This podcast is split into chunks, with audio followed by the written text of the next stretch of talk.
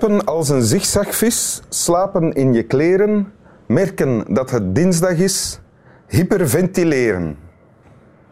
Het is een quote van de roemruchte Johann Sebastian Stuur. Of Stor, ik weet niet precies hoe je het moet uitspreken. Filosoof, dichter, zotskap uit een eeuw.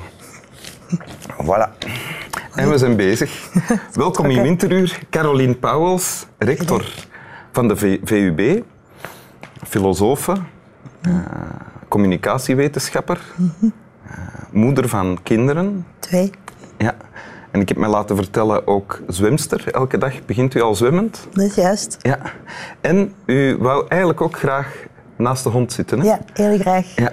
Vind het raar dat niemand naast de hond gaat zitten. Ja, ik wil dat toch wel eens, ik wil wel eens toestaan eigenlijk. Oké, fijn. Maar we spreken wel af met alle toekomstige gasten van Winteruur dat we daar geen gewoonte van gaan maken. Oké, dat is heel goed. Maar Voilà. ik heb ook aaien. Tuurlijk, ja. Alsof het je eigen hond is. Dat is heel goed. Ja. Ehm, je hebt een tekst meegebracht. Mhm. Wil je die voorlezen? Graag. Ah, raar om hier te zitten. Ik zou graag willen, vervolgde hij zacht, alsof hij bang was dat iemand achter zijn rug stond en zijn woorden afluisterde. Wat jouw mening hierover is. Denk jij ook dat het leven geen andere zin heeft dan de passie, die op een dag ons hart, onze ziel en ons lichaam doordringt en dan eeuwig blijft branden, tot de dood, wat er intussen ook gebeurt. En dat we, als we dat hebben beleefd, niet voor niets geleefd hebben. Is passie zo diep, zo vreed, zo groot, zo onmenselijk? En geldt zij misschien niet eens voor een persoon, maar voor het verlangen zelf? Dat is de vraag. Dat is een quote uit het boek Gloed van... Sandro Marij. Ja. Moeten we iets weten eh, van wat er voor of nadien is gebeurd om dit te begrijpen? Ik denk dat je het zo kan begrijpen, maar het is natuurlijk wel belangrijk eh, te weten dat dit een, een boek is over eh, vriendschap. En eh, de bevraging van die vriendschap, wat er eigenlijk allemaal binnen die tijdspannen van vriendschap en dus ook van een mensenleven kan gebeuren. En waar je toch op het eind van het leven misschien wel weet dat die vriendschap er is, maar toch niet altijd de diepte of de omvang en misschien ook het verraad kunt kennen. Oké. En dat wordt, dat wordt hierin verteld eigenlijk, zeg je nu ook wat hierin al gezegd wordt. Ja, uiteindelijk is het een boek dat van begin tot het einde gaat over de vragen eh, die, die hij hier ook stelt. Ja. Er gebeurt in het boek dus eigenlijk heel weinig. Het is een, een gesprek tussen twee mannen, twee vrienden, die ook eh, wellicht eh, dezelfde vrouw hebben eh lief gehad. Eh, maar waar toch vooral de band tussen de twee mannen van belang is. En, en ja, heel verschillende milieus, heel verschillende interesses. En dan ook eh, de vraag van, is, is dat mogelijk? Als je zo verschillend bent, kan je dan vrienden zijn? Ja. En hier in, in de passage die u voorlas, staat dan, denk jij ook dat het leven geen andere zin heeft dan de passie eh, enzovoort? Ja. Die passie, dat is die vriendschap? De passie is die vriendschap, absoluut. En ik denk eh, de passie die, die voor een stuk ook iets anders zou kunnen betekenen. Maar ik vind de zin mooi, want er staan vele mooie zinnen in het boek, jammer genoeg. Dus het is heel moeilijk om te kiezen. Eh, maar de boodschap hiervan, ik denk... eh, als je jezelf inbeeldt wat het zou kunnen zijn, hè, als je denkt van we gaan allemaal een bilan maken op het einde, Ja. Ehm, dan denk ik dat het antwoord voor heel veel mensen verschillend zou kunnen zijn. Maar dan denk ik wel dat dat voor velen toch ook wel het idee van als je één ding heel intens hebt beleefd, of één relatie, of één hobby, of, of, of één interesse heel passioneel hebt beleefd, of iemand heel passioneel hebt liefgehad, dan, dan denk ik wel dat je in die eindminuten daaraan denkt en dat je dan wel kunt wellicht dankbaar zijn dat je dat hebt gekend. Zo lees ik dat citaat eigenlijk. Ja. En ik veronderstel dat u dit dan hebt gekozen omdat u dat toen u het las herkende. Ik denk dat ik, je herkent dat, maar je herkent dat ook voor andere mensen. Je, je ziet dat, dat sommige mensen, bij wijze van spreken, al een beetje dood zijn, ook al leven ze nog.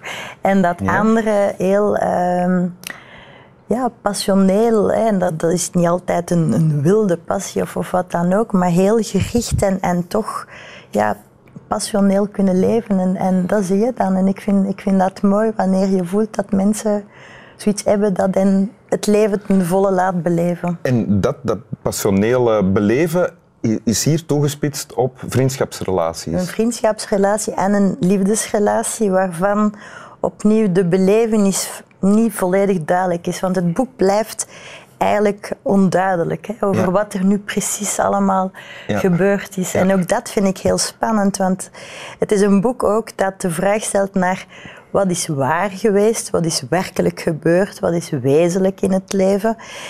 En ik denk dat dat dus allemaal de vragen zijn die je op het einde gaat stellen. En ze, ze, eh, wat zou uw antwoord zijn nu op die vragen dan? Ja, absoluut. Dat, dat uh, passie ongelooflijk uh, belangrijk is om, om die korte tijdspannen hier uh, zo aangenaam mogelijk te maken. Ook al kan die verzengend zijn. Passie tussen mensen, in, in vriendschappen dan? In vriendschap en in liefde. In, in, maar opnieuw, ik denk ook wel weer breder dan dat.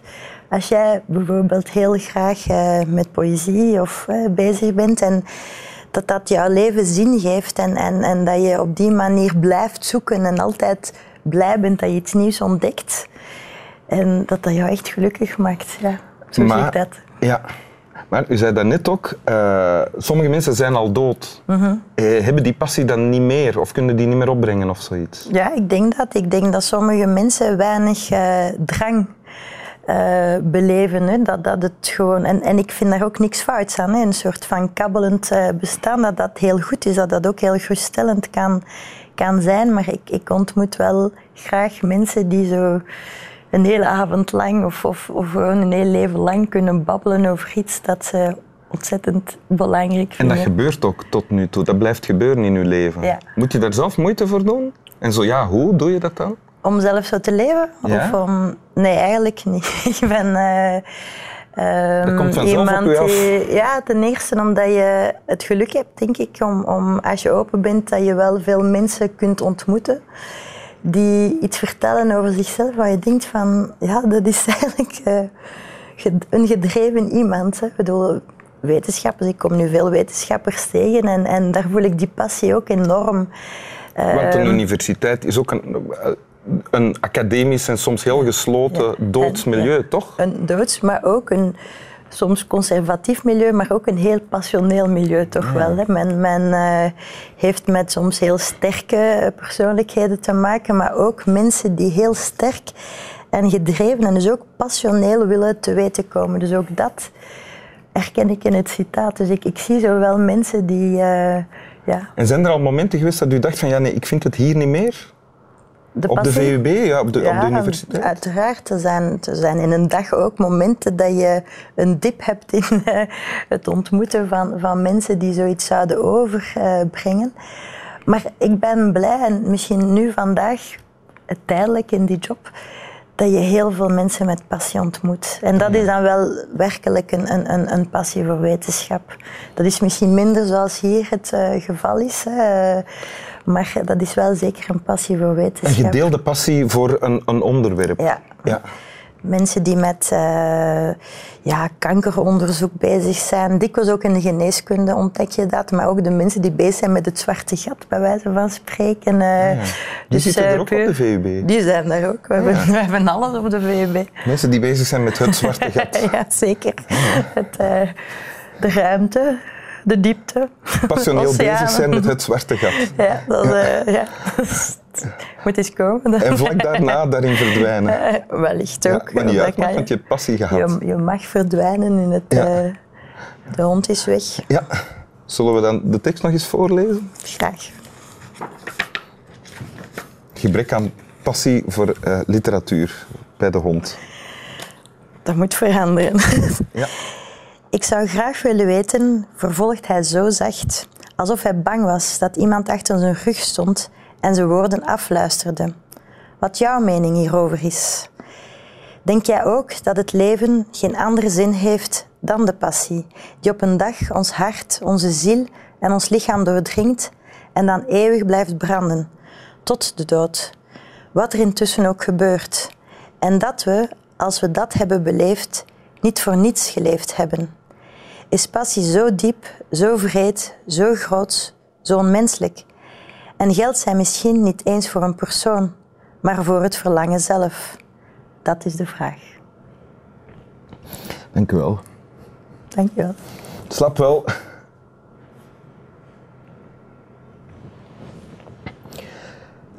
Ik voel mij helemaal gedesoriënteerd hier.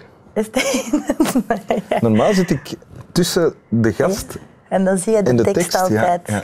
Hey, het is niet gelukt. Die is niet gelukt. Voor jou. Het, het veranderen van perspectief. Ah, jawel, jawel. Dat is zeker gelukt. Dat is zeker gelukt. Het veranderen van perspectief.